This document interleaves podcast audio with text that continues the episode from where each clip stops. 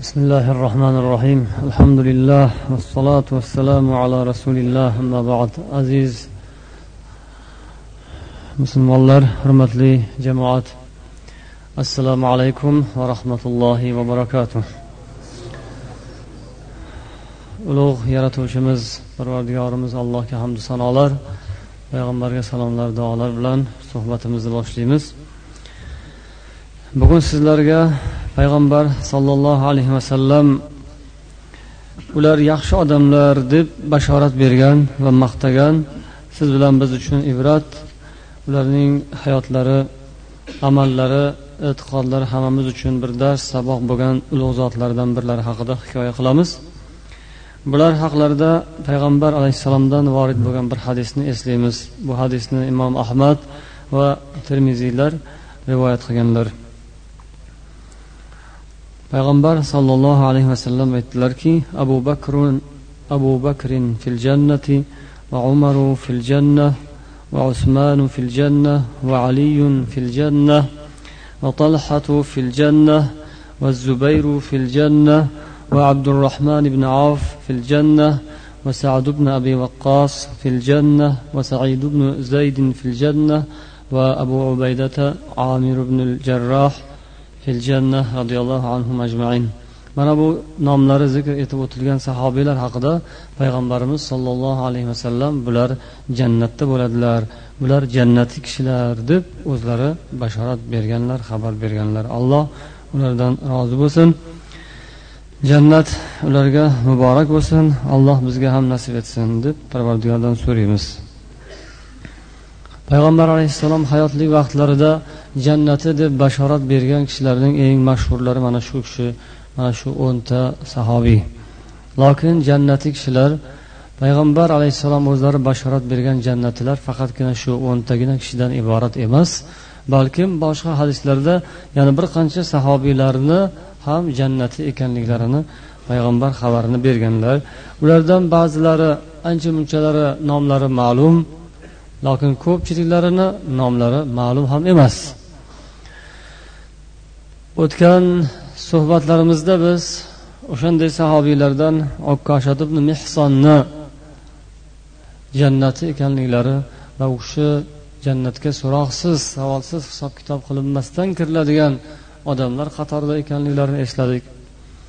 Shunga o'xshab hadislarda payg'ambar alayhissalotu vassalomdan yo rasululloh manga jannatga kirishni yo'lini ko'rsating deb sahobalardan birlari savol so'raganlarida unga payg'ambar alayhissalotu vassalom nasihatlarini qilib bo'lganlaridan so'ng alloh nomiga qasamki mana shu aytganingizdan biron bir narsani kamaytirmayman ham biron bir narsani unga ziyoda ham qilmayman deganlarida payg'ambar alayhissalom mana shu odam jannati qaranglar deganlar.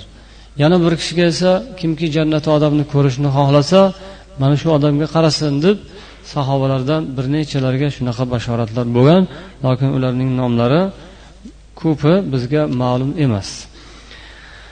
Asharai mubashshara bil janna deb aytilgan o'nta jannat bilan bashorat berilgan kishilar mana hozir biz yuqorida nomlarini keltirgan zotlar. Bularning avvallari hazrat abu bakr siddiq. Ya'ni payg'ambar alayhissalomning xalifalari to'rt xalifalari ham mana shu kishilar qatoridalar. Bugun biz hazrati abu bakr siddiq roziyallohu anhu haqida suhbatlashamiz. Bu so'zimizni boshlashdan oldin ular haqlarida tasavvurlarimiz yanayam to'liqroq bo'lsin uchun bu so'zni chuqurroq tushunishimiz uchun biz payg'ambar alayhissalom yashagan jamiyat o'sha vaqtdagi holat vaziyatni biroz ko'z o'ngimizga keltirishimiz kerak bo'ladi.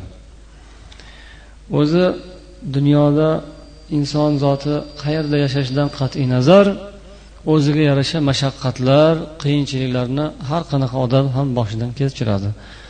Inson toifasi borki odamzod toifasiga mansub inson borki mashaqqatsiz bo'lmaydi. Hamma yerda o'ziga xos bir qiyinchilik mashaqqat bor. Lokin biriniki qattiqroq biriniki yengilroq. Xuddi shu nuqtai nazardan agar biz o'sha vaqtda payg'ambar alayhissalom yashagan zamon davriga nazar soladigan bo'lsak yer yuzini eng bir qiyin mashaqqatli nuqtasi bo'lib chiqadi. Ya'ni bir tomondan o'sha arabistonni havosi iqlimi judayam bir noqulay ekanligi. Yozda juda qattiq jazirama issiq bo'lib odamlar mashaqqat qiyinchiliklari nihoyat darajada kuchayib ketishi. U yerda biron bir giyoh deyarli unmasligi o'sha yerda yashaydigan odamlarni asosiy tirikchiliklari faqatgina chorvachilikdan iborat. Faqat shu hayvonni ketidan yurib shu bilan ovora bo'lib umr o'tkazish mashaqqat ustiga mashaqqat. Qiyinchilik ustiga qiyinchilik.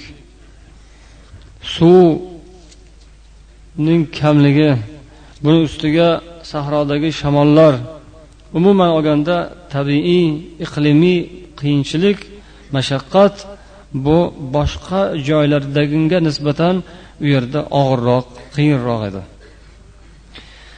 Buni nima uchun eslayapmiz mana shunday sharoit yoki undan boshqa bir sharoitda yashagan odam uning mafkurasi uni axloqi uni yurish turishi muomalasiga ham mana shunday og'ir mashaqqatlar ta'sir etmasdan qolmaydi ekan.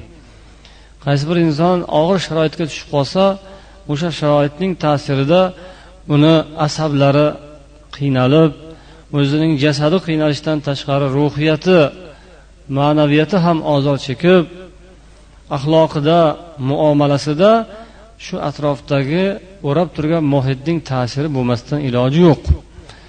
Ya'ni inson og'ir qiyin sharoitda uzoq vaqt qolsa muomalasi o'shanga yarasha dag'allashib qo'pollashib achchiq doim g'azab bilan yuradigan holatga sabab bo'ladi shu muhit ham. Shu jihatdan olib qaraganda demak arablarning tabiati ayniqsa shu ko'chmanchi arablar sahroda yashaydigan arablarning tabiati judayam og'ir. Bir jihatdan olib qaraganda mana shunaqa qiyin mashaqqat edi. Lokin ikkinchi bir jihatdan olganda ularda shu she'riyat so'z san'ati notiqlik shunga o'xshash narsalar ham barobar bor edi. Ammo bu tomoni ham ularni she'rlarida bu iboralar o'sha zamon davrni ifodalaydigan bir qisqagina so'z. Shoirlarni she'rlaridan misollar keltirishadiki biz shunaqa bir zamonda yashayapmizki zulm qilmagan odamning o'zi mazlumdir. Kimki zulm qilmasa odamlarga u albatta zulm ko'radi. Odamlardan zulm ko'rmasdan yashash uchun albatta zolim bo'lish kerak. Albatta o'zidan boshqalarga zulm qilish kerak degan falsafa e'tiqod ustun bo'lib turgan bir davr. Ya'ni kim kuchli bo'lsa oshig'i olchi. O'shaning ishi yaxshi bir qadar. Kim zaif bo'lsa kuchsiz bo'lsa ahvoli yana ham og'ir. O'zi sharoiti muhiti og'irligini ustiga zaif bo'lsa kuchsiz bo'lsa undan battar ishi og'ir qiyin rasvolik. Mana shunday odamlar shunday bir muhitda mana shunday bir qiyin qiyin sharoitda alloh taolo payg'ambarimiz muhammad sollallohu alayhi vasallamni payg'ambar qilib o'sha holatda o'sha og'ir vaziyat sharoitda ularga yubordi. Ya'ni bu yerda rasululloh sollallohu alayhi vasallam allohni buyrug'ini vazifasini omonatini joyida ado etish uni olloh buyurgandek bajo qilish yo'lidagi mashaqqatlari qiyinchiliklarini biroz tasavvurga keltirish mumkin. Agar biz o'sha muhitni ozgina eslasak. Buyruqlarni allohning buyrug'ini amalga oshirmasdan bo'lmasdi chunki bu buyruqni berayotgan zot qahhoru jabbor bo'lgan ya'ni aytganini qilinmasa bo'lmaydigan qudratli zot qahru g'azabi ham bor rahmati mag'firati ham bor bo'lgan zot ollohning tomonidan kelgan buyruq buni bajo qilmasdan uni ado qilmasdan iloji yo'q. Muhammad alayhissalom yakka o'zlari shunaqa bir og'ir sharoitda bu ishni bajarishga bel bog'lab turdilar. Bu ishga bu yo'lga qadam bosdilar. Lokin u kishiga mana shunaqangi og'ir paytda kim ham ergashardi? Hamma o'zi bilan o'zi ovora bo'lsa hammaning dardi o'ziga yetarli bo'lsa boshida mingta tashvish bo'lsa buyog'i tirikchilik tashvishi bo'lsa u yog'i xavfu xatar bo'lsa zulm bo'lsa zolimlar bir tomonda tabiatning qiyinchilik mashaqqati yana bir tomonda bo'lib turgan bir paytda muhammad alayhissalomni da'vatlari da'vatlariga shiorlariga qanday qilib kimlar ham quloq solardi? Bunaqa vaqtda bu dinni to'g'ri qabul qilib bu so'zlarni to'g'ri tushunadigan odam topilarmikan? Nima bo'larkin degan o'zidan o'zi bir savol paydo bo'ladi. Bir qiyin sharoitda odamlar bir narsa bilan ovora bo'lib turgan paytda ular kutmagan narsani o'rtaga tashlash ey qo'ysangizchi hozir hozir qorin to'yg'azish kerak hozir kiyim topishim kerak bola chaqam boqishim kerak deydi odamlar. Namozdan gapirsa ibodatdan gapirsa dindan gapirsa e'tiqoddan gapirsa ilm olishdan gapirsa tuppa tuzuk namoz o'qiyotganlar ham ey hozir namozni qanaqa qilib o'qiyotganimni bilmayapman hozir. Amal tamaq amal taqa qilib bir amallab himoloy osti qilib namozni shu qo'ymasdan o'qib yuribmiz. Shunga ham shukur qilish kerak hozir bunaqa gaplaringizni qo'yib turing deydigan so'zlarni ko'p eshitgansizlar. Rasululloh sollallohu alayhi vasallamga o'sha zamonda kim ham ergashardi degan bir fikr paydo bo'ladi o'zidan o'zi. Shunday holatda payg'ambar alayhissalotu vassalom esa bu ollohni buyrug'i ekanini yaxshi tushunib parvardiyorning tasallisi fasbir ey muhammad olloh uchun sabr qilasiz endi alloh uchun sabr qiling. Bu zarur kerak narsa buni qilmasa bo'lmaydi. Odamlar hozircha tushunmasligi mumkin lekin shu tushunmayotgan odamlar uchun kerak bu narsa. Mana shu nodonlik qilib sizga ko'p ozor aziyat yetkazib zulm qiladigan odamlarning foydasi uchun buni qilish kerak. Buni bajarmasangiz bo'lmaydi. Bardam bo'ling baquvvat bo'ling sabr qiling xafa bo'lmang deb alloh o'zi rasulullohning o'zlariga tasalli berib alloh o'zi madad berib nasihat qilib turdi. Bu nasihatlar bu madadlar payg'ambar alayhissalomga kuch quvvat baxsh etdi. Va yo'llarda qancha qancha qarshiliklar bo'lganda agar oyni bir tomonimga oftobni bir tomonimga qo'yib meni bu yo'ldan qaytarmoqchi bo'lganlarida ham men qaytmayman. Yo bu narsani amalga oshiraman yoki olloh meni shu yo'lda halok qiladi deb o'zlarining yo'llarida davom etdilar. U kishiga kim ergashdi? Shunaqa og'ir sharoitda birinchi bo'lib ergashgan odam bir martagina bir og'iz da'vatlarga darhol javob bergan odam hazrat abu bakr siddiq roziyallohu anhu bo'ldilar. Shuni hech kim qiyo boqmayotgan hech kim quloq solmayotgan bir og'ir sharoitda bir mo'jiza yuz berdi. Shunday bir kutilmagan holatda allohning qudrati ro'y berdi. Abu bakr siddiq bir og'iz so'zga u kishi taslim bo'ldilar. Darhol payg'ambar alayhissalomni so'zlarini tasdiq etdilar. Shuning uchun ham u kishining nomlarida siddiq degan ibora unvon qo'shib aytiladi. Siddiq degani ko'p tasdiqlovchi. Chin dildan yurak yurakdan tasdiqlovchi degan unvon bu kishiga mana shunday nasib bo'ldi. Bu zotni o'zi yoshliklariga agar e'tibor berilsa oilalari xonadonlari badavlat xonadon. Rasulullohga ergashgan birinchi musulmon bu kishi o'sha mahalda makkadagi boy badavlat odamlardan bittasi edilar. Kofirlar muhammadga qullar ergashdi. Boylarni boyligini tortib olish uchun qullarni qo'zg'atdi. Jamlab hammasidan bir askar tayyorlab boylarga ustiga solvordi. Shuning uchun qildi deydigan gaplari qayerda? Bu holat qayerda? Rasululloh sollallohu alayhi vasallamga ergashgan odamlarning birinchilari eng boy badavlat odam bo'lganlar hazrat abu bakr siddiq. U kishining onalari ummul xayr salmo binti sahr ibn omir degan ayol o'zicha juda bir xudojo'y endi o'sha eski o'zining johiliyat dinida bo'lsada lokin shu bolasini ilohim xudojo'y bo'lsin deb ismlarini abdul kaba qo'ygan ekan. Kabaning quli deb kabaning bandasi deb. Shu kaba baytulloh o'sha paytda ham mushrik bo'lsada arablar johiliyat arablarini dilidan baribir joy olgandi.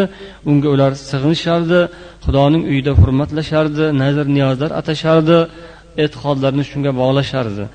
Bolam shunaqa xudojo'y bo'lsin deb onalari bu kishini abdul kaba deb atagan ekanlar.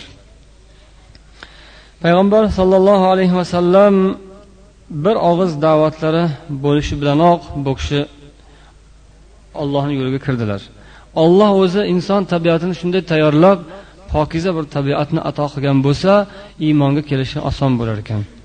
E'tiqodi o'zi qalbi dilini alloh taolo to'g'irlab qo'ygan tabiatini pokiza qilib yaratgan bo'lsa shunday bo'lar ekan. Bu kishiga ham payg'ambar alayhissalomni boshlariga yetgan musibat aziyatlar yeta boshladi. Boshida avvalida mashaqqatlarga chidamasdan sabr toqat qilish juda qiyin bo'lib qolgan paytda rasululloh sollallohu alayhi vasallam hijrat qilishga ruxsat berdilar. Shunda abu bakr siddiq hijrat qilib makkani tashlab chiqib ketayotganlarida yo'lda bir mushrik tanishlar uchrab qoldi. Ibn dog'na degan odam. Shunda ey abu bakr qayoqqa qarab ketyapsan? Abu bakr aytdilarki alloh taologa robbimga bemalolroq ibodat qiladigan joy izlab ketyapman. Meni qavmim o'zimning qabilam millatdoshlarim o'zimni hamshaharlarim mani shaharga sig'dirishmay turgan bir paytda allohga ishonganim uchun ibodat qilganim uchun qavmim meni haydab chiqaryapti. Shuning uchun robbimga bemalolroq ibodat qiladigan joyga ketyapman dedilar.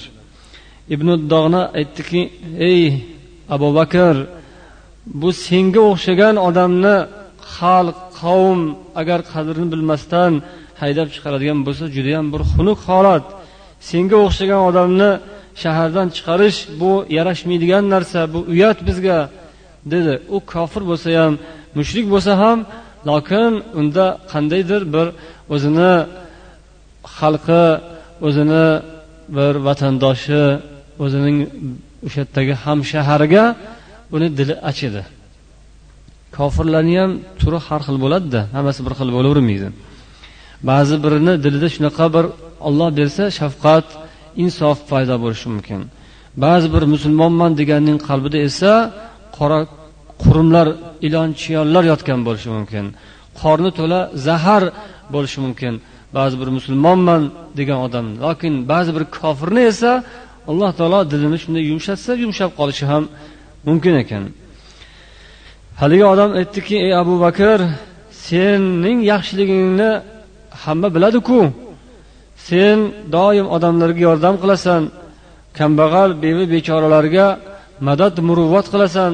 Qo'li ochiq hamma yaxshiliklarini hech kimdan ayamaydigan odamsan. Mehmondo'stsan seni oldinga kelgan odam hech qachon umidsiz qaytmaydi. Senga o'xshagan odam shahardan chiqib ketishi mumkin emas bu yerdan sen ketishing mumkin emas to'xta. Men seni o'zim himoyamga olaman yur deb abu bakr siddiqni makkaga qaytarib olib keldi. O'sha vaqtning qoidasi bo'yicha biron bir dushman ya'ni odamlar o'ziga dushman tutsa kimnidir o'sha dushman tutilgan o'ldirishga balkim mahkum etilgan shunday tazyiqqa uchragan odamni biror bir odam himoyasiga olsa o'zlarini mushriklaridan kattaroq bir ta'sirliroq odam boyroq badavlatroq yoki amaldorroq odam himoyasiga olsa o'shanga tegishmas edi. Bu ularning qoidalari edi. Shunday qilib ibn dog'na hazrat abu bakr siddiqni o'zining himoyasiga oldi. Kelib makka ahliga dediki o'sha kattalarini to'plab aytdiki bu abu bakrga qo'llaringni tegizmalaring. Bu abu bakrga o'xshagan odam yo'q bizni ichimizda. Buni qadriga yetish kerak. Sanlarga bizga uyat bo'ladi. Shunday bir saxovatli rahmdil hammaga muruvvatli odam bo'lsa yordamga muhtojlarga qo'lini cho'zib yordam qiladigan mehmondo'st odamni shahardan chiqarish uyat. Bu narsa sendan bizdan bo'lmasligi kerak. Man bu odamni o'zim himoyamga oldim deb e'lon qildi. Shundan keyin boshqalari ham jim bo'lib qolishdi. Indashmadi. Lokin shart qo'yishdi. Mayli seni himoyangga olgan bo'lsang mayli rozimiz. Lokin sharti shuki aytgin abu bakr uyida ibodat qilsin. Ko'chaga chiqmasin ibodatini tashqariga olib chiqmasin. Uyida o'zini uyida xohlagancha namoz o'qiyversin. Tashqariga chiqmasin bizga ibodati bilan xalaqit bermasin bizga ozor yetkazmasin. Ya'ni namozi bilan qur'oni bilan bizga ozor yetkazmasin e'lon qilmasin biz qo'rqamiz xotinlarimizni bolalarimizni yo'ldan urib bu deb qo'rqamiz. Shuning uchun tayinlab qo'ygin hech kim eshitmasin. Ya'ni bular ham o'zlaricha vijdon erkinligi berishdi. U hazrat abu bakr siddiqqa. Ya'ni uyda o'tirib ibodat qilsinda tashqariga chiqmasin. Shunday qilib abu bakr siddiq bu yo'lda ibodatlarida davom eta boshladilar. O'z hovlilarida uylarida parvardigorga ibodatda mashg'ul bo'ldilar. Alloh u kishini dillariga solib uylariga bir masjid qurib oldilar. Namoz o'qiydigan alohida bir joy qilib o'sha yerda ibodat bilan mashg'ul edilar. Qur'on o'qishni yaxshi ko'rardilar doim qur'on o'qirdilar. Qur'on o'qib yig'lab qur'on o'qirdilar. Ovozlari judayam bir chiroyli edilar. Qur'on o'qisalar ko'zlariga hech narsa ko'rinmasdi. Hamma gap so'zlar esdan chiqib qolardi. Ana u shartlar ham esdan chiqib qoldi. Qur'on o'qiyverdilar ovozlarini baralla qo'yib oxiri bu kishini ovozlarini eshitib mushriklar kofirlar xotinlari bolalari ayniqsa bolalar qiziquvchan bo'ladiku. Ayollar ham shunaqa kelib tomosha qilib turadigan bo'lib qolishdi. Qachon abu bakr siddiq qur'on o'qisalar mushriklarning bolalari ayollari yig'ilib keladigan bo'lishdi. Ta'sirlanishardi hayron bo'lishardi. Ba'zi birlari demak shu yerdan boshlab hayoli fikri balkim o'zgarardi. Buni ko'rib mushriklar sarosimaga tushdilar qo'rqdilar g'azablandilar. Bu shartni buzyapti dedilar. Bu xotinlarimizni bolalarimizni yo'ldan uradi bunaqada. Bu kasofati uradi hammaga deb keyin ular oyoqqa turdilar. Shoshib ibn oldiga bordilar. Aytdilarki bu san himoyangga olgan odamni ko'ryapsanmi nima qilyapti? Mana seni himoyangga kirib olib endi o'zini qiliqlarini ko'rsatayotibdi bor aytgin ovozini chiqarmasin. U oshkoro qur'onni o'qimasin. Uyda o'qisin namozini qur'onini hech kim eshitmasin deb aytuvdik. Agar shu gapga amal qilsa qildi. Bo'lmasam seni himoyangni ham tan olmaymiz deyishdi. Shunday qilib ibn dog'na kelib aytdik ey abu bakr sen bilan nimaga kelishganimiz qanday narsa haqida shartlashganimiz o'zingga ma'lum. Sen o'sha shartga rioya qilgin. Uyingda o'tirib hech kimga bildirmasdan ibodat qilgin namozingni o'qiyvergin hech kim senga tegmasin. Yoki bunga ko'nmaydigan bo'lsang unda man himoyamni sendan olaman. Chunki man xohlamayman shu ibn donani himoyasidagi odamni qavmim qavm o'sha e, quraysh falon qilibdi piston qilibdi degan orni man ko'tara olmayman. Bularni avzoyi buzuq. Bular senga yomonlik qiladi endi. Shuning uchun yo o'sha shartga ko'nib turgin yoki bo'lmasam himoyamdan chiqqin endi dedi. Shunda abu bakr siddiq aytdilarki mayli man seni himoyangni o'zingga topshirdim o'zingga qaytardim va ollohning himoyasidaman. Man o'zimni ollohni himoyasiga topshirganman. Sen himoyangni ola qolgin dedilar. Shunday qilib abu bakr siddiq o'zlarini har qanday mashaqqatga qiyinchilikka yuzlarini tutdilar. Chunki u kishi ollohni va payg'ambarini qur'onni yaxshi ko'rardilar ibodatni yaxshi ko'rardilar. Bemalol bamayli xotir hech bir qarshiliksiz hech bir to'sqinliklarsiz bemalol ibodat qilish baxti judayam bir ulug' narsa. Bu narsani cheklab bunga tor doiraga qisib qo'yish bu mo'min musulmon odam uchun og'ir. Lokin buning evaziga ancha muncha narsaga chidash kerak sabr qilish kerak qiyinchilikni yenggan odam bu ibodatni mazasini rohatini ham lazzatini ham totish sharafiga muyassar bo'ladi. Hammasiga rozi bo'ldilar abu bakr siddiq. Undan keyingi bo'ladigan mashaqqatlarni qabul qila boshladilar. Payg'ambar sollallohu alayhi vasallam bilan birga makkadan madinaga yasribga hijrat vaqtida ham ya'ni musulmonlar uchun sharoit nihoyatda og'irlashib ketgandan keyin yasribga hijrat qilishga majbur bo'ldilar. Hamma musulmonlarni oldin hijratga jo'natib shahardan asta astalik bilan chiqarib oxirida payg'ambar alayhissalom o'zlari qoldilar va hazrati abu bakr siddiqni o'zlariga hamroh qilib tanlab qoldirdilar. Bu safarni abu bakr siddiq nihoyat darajada orzu qilib ollohdan tilab yurardilar. Shu payg'ambar sollallohu alayhi vasallam kim bilan ketarkinlar makkadan madinaga? Shu kishiga hamroh bo'lsam degan orzulari bor edi. Olloh bu kishining orzulariga yetkazdi. Rasululloh sollallohu alayhi vasallam bilan makkadan madinagacha yasribgacha hijrat qilish baxti bu kishiga nasib bo'ldi. Bu bir tomondan baxtu ikkinchi tomondan judayam bir og'ir holat edi. Chunki rasululloh sollallohu alayhi vasallam qachon hijrat qilishga bel bog'ladilar? Oldin musulmonlarni yubordilaru oxirida o'zlarini mushriklar o'ldirish haqida qaror qilishgan edi. Muhammadni endi o'ldirmasak bo'lmaydi boshqa choralar foyda bermadi. Gapirdik nasihat qildik qo'rqitdik mol dunyo va'da qildik u dedik bu dedik bo'lmadi. Endi oxirgi chora buni o'ldirish kerak. O'ldirib qutulmasak qutulmaydiganga o'xshaymiz deb ular barcha qavmlar urug'laridan bitta bittadan odam olib hammang barobar nayza urasan shunda bular hech kimdan o'chini qasosini ololmasin deb qaror qilishgandan keyin safarga chiqishdilar. Endi shunaqangi vaziyatda rasululloh sollallohu alayhi vasallamni yonlarida bo'lish judayam bir xavf haddan tashqari xatarli holat edi. Ya'ni o'sha o'ldirishga o'ldirilishga suiqasdga hukm qilingan mahkum bo'lgan odamni yonida turish bu hazil emas. Odatda odamlar tabiat shunaqa bo'ladiki birovni boshiga ish tushsa hamma do'stlar yo'q bo'lib qoladi. Ishi yurishgan mahalda uni atrofida ko'p odamlar yig'ilib keladilar. Hamma okamidingiz ukamidingiz dodamidingiz tog'amidingiz qilib yuboradi. Ishi yurishib qo'ldan ish kelib turgan paytda. Xudo ko'rsatmasin boshiga bir ish tushsa tog'alari ham dodalari ham hech kim ko'rinmay qoladi. O'zi yakka yolg'iz o'rtada qolib ketadi ko'pincha shunaqa bo'ladi. Bir odamni shunday ishi yurishmay qolsa borib ba'zan hol so'ragani ham odamlar tortinib qoladi. Borib shuni eshigini tagida mani ko'rib qolmasin meni ham tortib ketib qoladi deb odamlar o'zini olib qochadilar. Bu tabiat ya'ni.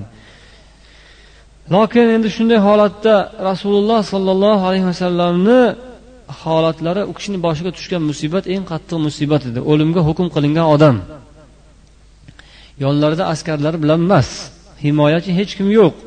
Yakka yolg'iz ikki kishigina xolos safarga chiqish kerak. Bu safar qo'shni qishloq emas. U mana mahalladan anu mahallaga o'tib oladigan safar emas balkim bu to'rt yuz yetmish besh kilometrlik bir masofa. Yuz kilometrda tutmasa yuz elliginchi kilometrda tutib olishi mumkin. Unda yetolmasa ikki yuzinchi kilometrda yetib olishi mumkinku. Bu olis bir safarga ikki kishi yolg'iz o'zlari chiqdilar. Bu safarni abu bakr siddiq qo'rqib emas xavfu xatarga tushib vahimaga tushib emas bu odamni o'ldirmoqchi bo'lganlar mani ham tirik qo'ymaydi albatta mani ham bir narsa qilib qo'yadiku deb emas balkim allohga shukronalar qilib butun olamning parvardigori bo'lgan alloh taoloning eng suyukli bandasi payg'ambarlarni ichlaridagi eng afzallari sayyidul ambiyo bo'lgan hazrati muhammad sollallohu alayhi vasallam dunyoga bir marta keladigan zot. U kishi har zamonda qayta qayta kelaveradi degan emas. O'sha abu bakr siddiqdek baxtli odamlarning davrida shu kishini hayotini alloh taolo muqaddar qilgan ekan. O'sha davrda ikkovlari birga zamondosh bo'lib yashashni baxtini olloh abu bakrga nasib etgan ekan. Bundan u kishi xursand bo'lib terilariga sig'masdan shodu xurramliklari hech bir dunyoga sig'maydigan holda u kishi yo'lga tushdilar. Payg'ambar sollallohu alayhi vasallam bilan birga hamroh bo'lish. Falonchi bilan poyezdda birga ketdik. Yoki avtobusda birga ketdik deb anchayin odamlarni odamlar mahobat qilib shuni o'lguncha gapirib yuradi. Samolyotda falonchi bilan balon vaqtda birga uchganmiz. Ular payg'ambar emas u maqtalayotgan odamlar boshqa emasku. Endi odamzodning bu ham haligi aytganimdek tabiat. Olloh eng yaxshi ko'rgan zot hazrati muhammad sollallohu alayhi vasallam bilan birga safar bu kishi uchun juda ham shunday bir ulug' baxt edi xursandchilik edi. Uning ustiga yo'lning mashaqqatichi yo'l judayam tep tekis emas toza chiroyli qilingan yo'l emas.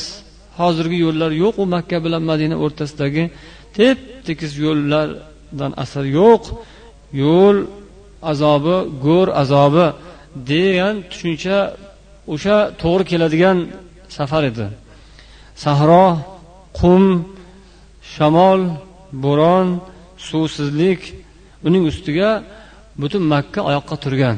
Hamma ey ketib qolibdi muhammad qani izidan quvinglar ushlab o'ldiringlar kimki agar o'ldirsa unga palon mukofot bo'yi barobar oltin. Mana shunday bir bo'lib turgan holatda ular yo'lga tushdilar.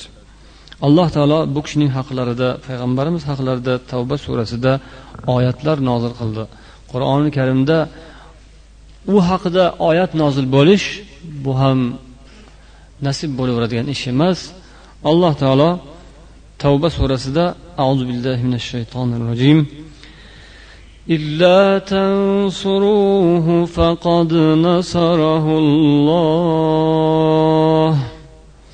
إذ أخرجه الذين كفروا ثاني اثنين إذ هما في الغار إذ يقول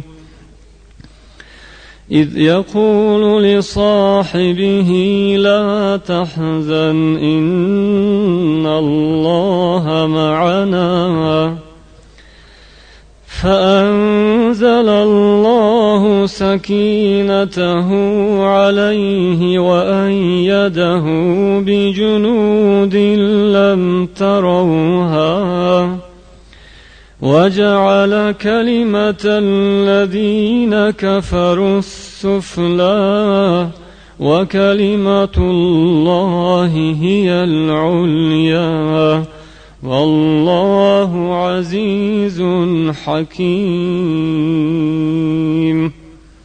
agar sizlar unga muhammadga yordam bermasangizlar olloh unga yordam berib qo'yibdi yordam berib qo'yibdiku sizlar qochyapsizlar muhammaddan sizlar uzoqlashyapsizlar dushmanlik qilyapsizlar yomonlikka qasd qildinglar sizlar yordam bermasanglar ham u odam muhtoju notavon ojiz bo'lib qolmaydi. Olloh o'zi yordam berib qo'yibdiku.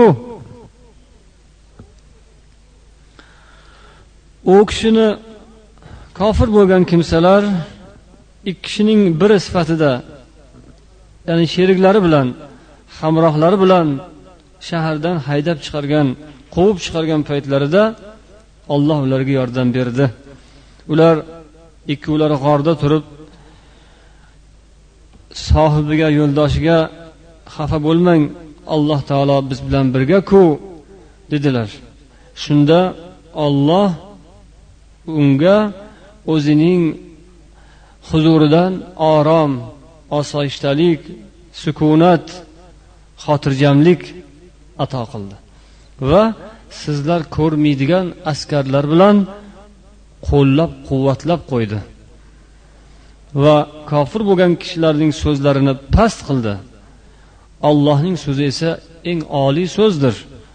Olloh aziz hakim uning amri hamisha g'olib hammadan qudratli bo'lgan zot ishlari hammasi dono hikmatli bo'lgan zot. Sizlar bu voqeadan ancha muncha xabaringlar bor. Mushriklar kofirlar payg'ambarni izlaridan quvib g'orni og'ziga kelishdilar. O'sha g'orni og'ziga kelganda iz yo'qoldi. Shunday tuzukroq qaraganlarida bizni shunday ko'rishardi deydilar abu bakr siddiq. Biz ularni ko'rib turibmiz lekin ular bizni ko'rmayaptilar. G'orni og'zida o'rgimchak in qo'ydi birpasda o'sha yerda bir qush tuxum qo'ydi. Ular shunday kelib turibdilar olloh to'sdi olloh to'ssa shunaqa o'rgimchakni ini bilan to'sar ekan. O'rgimchakni inidan ham ko'ra zaif narsa bormi? U qirqinchi ip emas u. Undan ham ko'ra ojizroq narsa. Uni bunday uzish shart emas. Desa uchib ketadi. Olloh xohlasa bandasini shu deb uchib ketadigan narsani ham to'siq qilib qo'yaverar ekan. Bu ollohning qudrati shunaqa. Shunday qilib olloh yordam berdi. U kishi tashvish tortdilar. Rasulullohni ushlab olsa nima bo'ladi deb tashvish qildilar. Voy mani jonim nima bo'laman demadilar. Mani ushlasa emas. O'zlarini emas. Balkim rasulullohni taqdirlariga qayg'urdilar. Rasululloh sollallohu alayhi vasallamni hozir ushlab olsalar o'ldirsalar islom nima bo'ladi? Musulmonlarni keyin holi nima bo'lar ekan din nima bo'ladi deb tashvishlari shu edi. Shuning uchun yig'ladilar. Shuning uchun qo'rqdilar. Shunda payg'ambar nima dedilar la tahzan. Innalloha maana. Qo'rqma xafa bo'lmang. Qayg'urmang. Tashvishga tushmang.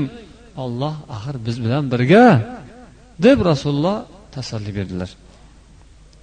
Shunda olloh ularga osoyishtalik sukunat berdi. Qalbning xotirjamligini berdi. Yurakning baquvvatligini berdi. Dilni mustahkamligini berdi. Alloh shu qalbini mustahkam yurakni baquvvat qilsa bu eng birinchi shart ekanda allohni yo'lida mustahkam turishni birinchi shartini olloh ularga ato qildi va sizlar ko'rmaydigan askarlarni olloh yubordi. Mushriklar boshqalar ko'rmaydigan ularning tasavvuriga sig'maydi aqllariga sig'maydigan yordamchilarni olloh nozil qildi. Farishtalarini olloh nozil qildi. Va kofirlarning so'zini yer bilan yakson qildi oyoq osti qildi past qildi. Allohning so'zi esa oliy ulug' so'zdir. Shunday qilib bu zot olloh yo'lida rasululloh sollallohu alayhi vasallamga hamroh bo'ldilar. Umrlarining oxirigacha ya'ni payg'ambar sollallohu alayhi vasallam umrlarining oxirigacha rasulullohni yonlarida bo'ldilar. Biron bir jang qolmadiki bu kishi agar ishtirok qilmasalar rasulullohni yonlaridan bir qadam jilmasdan hamisha u kishiga hamroh bo'lardilar. Badr jangida ham shunday bo'ldi. Musulmonlarga qaraganda uch barobar ortiq quvvatga ega bo'lgan mushriklar yengildilar. Payg'ambar sollallohu alayhi vasallamni doimo yonlarida bo'lib u kishini himoya qilardilar. Xuddi soyadek ergashib yurardilar chunki yaxshi ko'rardilar. Shu rasulullohga bir narsa bo'lmasin bu kishiga bir zarra zarar kel tegmasin dushmanlarni qo'li yetmasin deb doim u kishi bilan birga bo'lardilar. Alloh taolo bu kishini niyatlariga yarasha mukofot ato qildi. Payg'ambar sollallohu alayhi vasallam aytgan ekanlarki bizga biron bir odam yaxshilik qilgan bo'lsa hech qaysi birining yaxshiligini mukofotsiz qoldirmadik. Ya'ni hech kimdan qarzimiz yo'q. Kimki islom uchun musulmonlik uchun ollohu rasul uchun hissa qo'shgan bo'lsa biz buni mukofotini qaytardik. Ya'ni hayotlik vaqtida rasululloh unga yaxshi muomalani qildilar ekan. Lokin illo abu bakr degan ekanlar. Abu bakrni esa mukofotini faqat olloh beradi. Abu bakrni qilgan xizmatlari shunaqa ortiq xizmat bo'lib qoldi. Uning xizmatini olloh qiyomat kuni beradi degan ekanlar. Ulardan boshqalarini esa bir qadar rasululloh sollallohu alayhi vasallam mukofotladik deyaptilar. Abu bakrning esa xizmatini mukofotlay olmaymiz uni olloh o'zi qiyomat kuni xursand qiladi. Degan ekanlar. Payg'ambar alayhissalom bilan hamisha birga bo'ldilar hamnafas bo'ldilar. Oxirida rasululloh sollallohu alayhi vasallam kasal bo'lib og'ir holatga tushganlaridan keyin namozga chiqolmay qoldilar. Rasululloh hayotlik vaqtlarida u kishidan boshqa odam imom bo'lmas edi. Payg'ambar alayhissalom abu bakrga aytinglar namoz o'qib bersin musulmonlarga dedilar. Lokin abu bakr roziyallohu anhu qanday qilib rasulullohni o'rinlariga chiqib namoz o'qirdilar? Avvalambor hazrati oysha onamiz bu so'zni eshitib hayron bo'ldilar. Ya'ni otalari hazrat abu bakr siddiq shunda bu so'zni ayollarga payg'ambar aytgan ekanlar aytinglar abu bakrga namoz o'qib bersin musulmonlarga namoz vaqti bo'lgan bo'lsa. Oysha onamiz aytdilarki yo rasululloh bu abu bakr judayam bir tabiati yumshoq odam. Ko'ngli bo'sh odam. U odam namoz o'qib berolmaydi sizni o'rningizda. Yo rasululloh boshqa odamga buyuring. Abu bakr namozni buzib yuboradilar o'qolmanglar deb qaytardilar. Lokin rasululloh ey sizlar yusufning hamrohlari sizlar ayollar. Ya'ni yusuf payg'ambarniga xalaqit bergan ayollar sizlar. Qochinglar. Abu bakrga aytinglar namoz o'qisin dedilar. Shundan keyin abu bakr roziyallohu anhu namozga imom bo'ldilar. Bu bilan payg'ambar alayhissalom o'zlaridan keyin xalifa payg'ambarning o'rinbosarlari bo'lib shu hazrati abu bakr siddiq roziyallohu anhu qolishlariga bir ishora qilgan ekanlar. Rasululloh sollallohu alayhi vasallam omonatni topshirdilar. Payg'ambar alayhissalotu vassalom kasal bo'lib qolibdilar og'ir holatda yotibdilar degan so'z musulmonlarni ichlarida tarqagandan keyin odamlar masjiddan ketmasdan o'sha yerda o'tirib qoldilar. Rasulullohni holatlari nima ekan deb doim u kishining holidan xabardor bo'lib turishga harakat qilardilar. O'sha yerdan odam jilmas edi.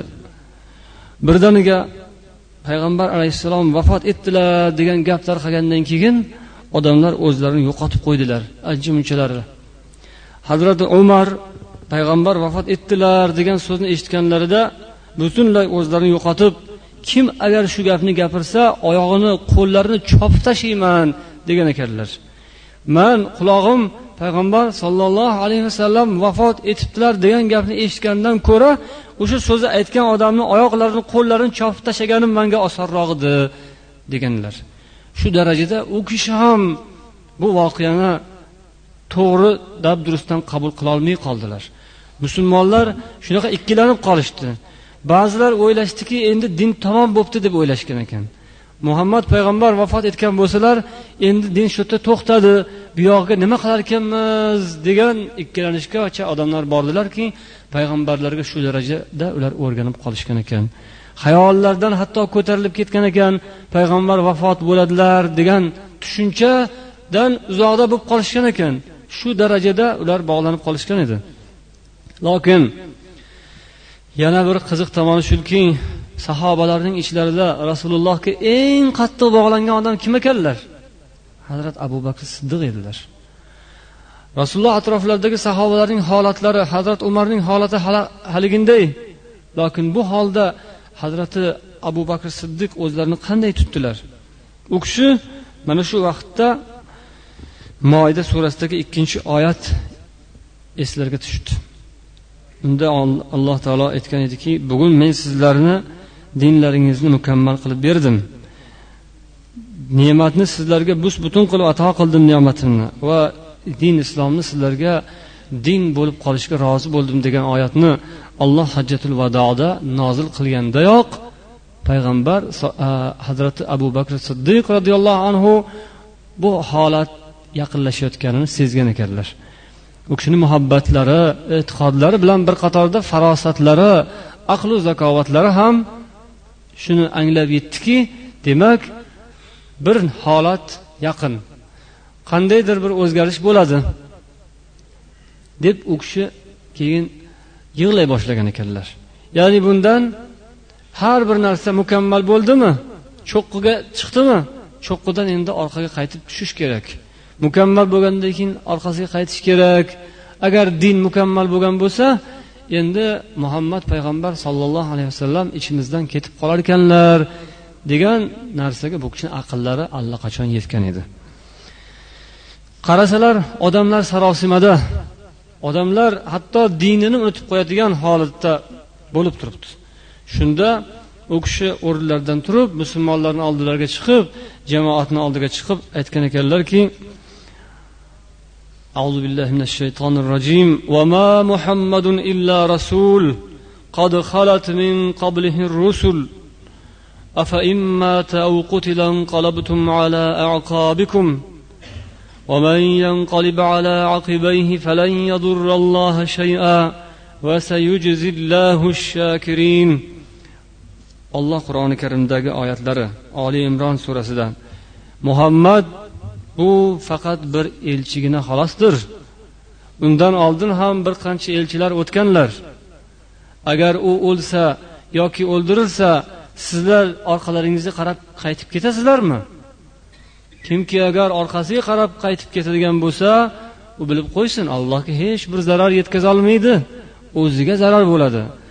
Ah, kimki yo'lida mustahkam tursa olloh albatta shukur qilguvchilarni mukofotlaguvchi zotdir. Yaqinda mukofotlar ato qiladi.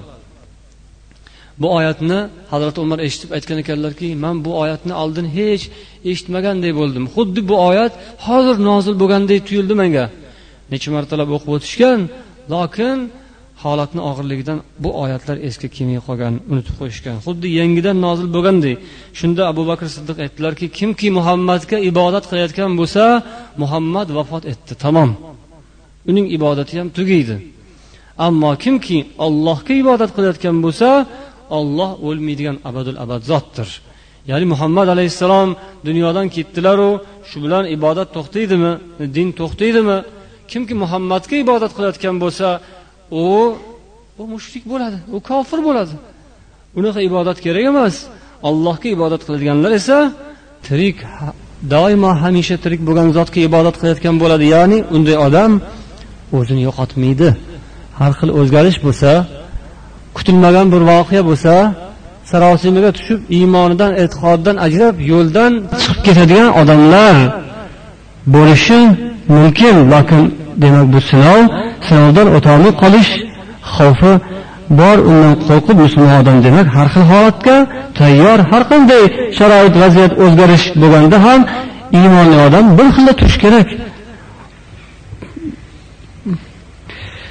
Avval abu bakr siddiqni sahobalar kelishib maslahat qilishib o'zlariga xalifa deb sayladilar.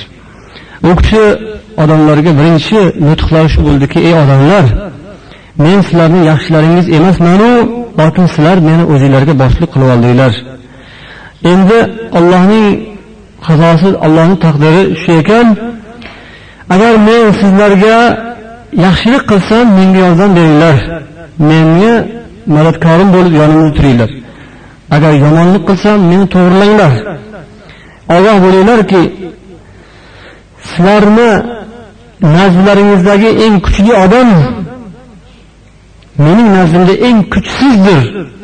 To undan haqni undirmagunimcha boshqalarning haqqi bo'lsa allohning haqqi bandaning haqqi bo'lsa o'sha odam meni nazimda zaif odam bo'ladi.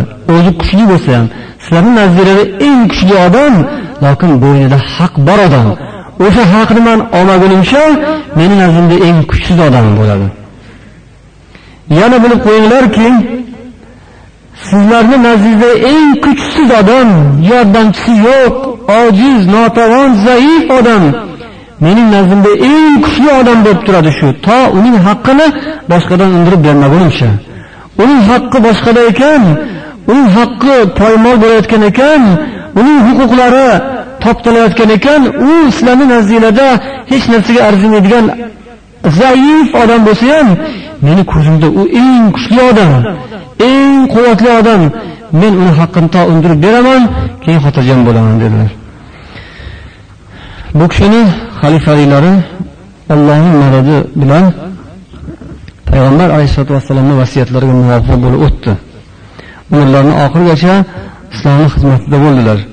Zarra ham chekinmadilar. Bu yerda yana bir ibratli jihati shuki payg'ambarimiz sollallohu alayhi vasallam vafotlari o'zlarining hujralarida bo'ldi. Oysha onamizni hujralarida bo'ldi. Hazrat abu bakr siddiqning vafotlari ham shunaqa. Ya'ni deyilmoqchiki osoyishta holda urushda emas jangda emas shaharda tinch holatda bo'ldi. Hazrati umar roziyallohu anhu shahid bo'ldilar. Hazrati usmon roziyallohu anhu shahid qilindilar. Hazrati ali roziyallohu anhu shahid qilindilar. Hazrati hasan husayn bular ham shunaqa dushmanlar tomonidan o'ldirildilar. Lokin islomning eng og'ir pallasi eng og'ir sharoit qaysi sharoit? Hazrati muhammad sollallohu alayhi vasallam va abu bakr siddiq davrlarimi yoki qolgan xalifalar davrimi? Albatta islom endi yangi ko'karib kelayotgan payti eng og'ir sharoit edi payg'ambar va hazrati abu bakr siddiq payg'ambardan keyin abu bakr siddiq davrlarida bir qancha odamlar boylarni ishlaridan zakot bermaymiz deb ba'zi ibodatlarni inkor qiladiganlar chiqdi. Payg'ambarlik davosini qilib chiqdilar. Ikkita erkak bir ayol payg'ambarlik davosini qilib chiqdi. Qorilardan yuztasini bir joyda aldab olib ketib shahid qilib o'ldirib yuborishdi. Og'ir og'ir voqealar hazrati abu bakr siddiq davrlarida bo'ldi. U kishi hali biz yuqorida so'zimizda ham aytdikki biror bir lahza ollohdan chekinmadilar. Ollohdan o'zgadan cho'chimadilar. Allohga qattiq sig'inib allohning ibodati bilan payg'ambar yonlarida bo'ldilar. Eng og'ir sharoitlarda. Lekin olloh kimning omonatini qayerda olishni o'zi biladi eng og'ir kunlar boshidan o'tgan odamlarning vafotlari uylarida bo'ldi. Boshqalari esa boshqacha bo'ldi. Alloh taolo bandasini kerak bo'lsa himoya qiladi. Ajal o'lim bitta u o'zgarmaydi bir necha xil bo'lmaydi. Shuning uchun alloh taologa tavakkul alloh taoloning o'ziga ibodat. Bu din islomga xizmat musulmonlik o'zini yo'lida mustahkam bo'lishi demak zarur ekan. Alloh hammamizga tavfiq hidoyat bersin. O'tgan zotlarni alloh taolo hammalariga bizning nomimizdan salomlar duolar allohning rahmatlari yog'ilishini so'rab qolamiz. أشهد أن لا إله إلا أنت أستغفرك وأتوب إليك اللهم صل على محمد وعلى آله وأصحابه أجمعين وآخر دعوانا أن الحمد لله رب العالمين رحمتك يا رب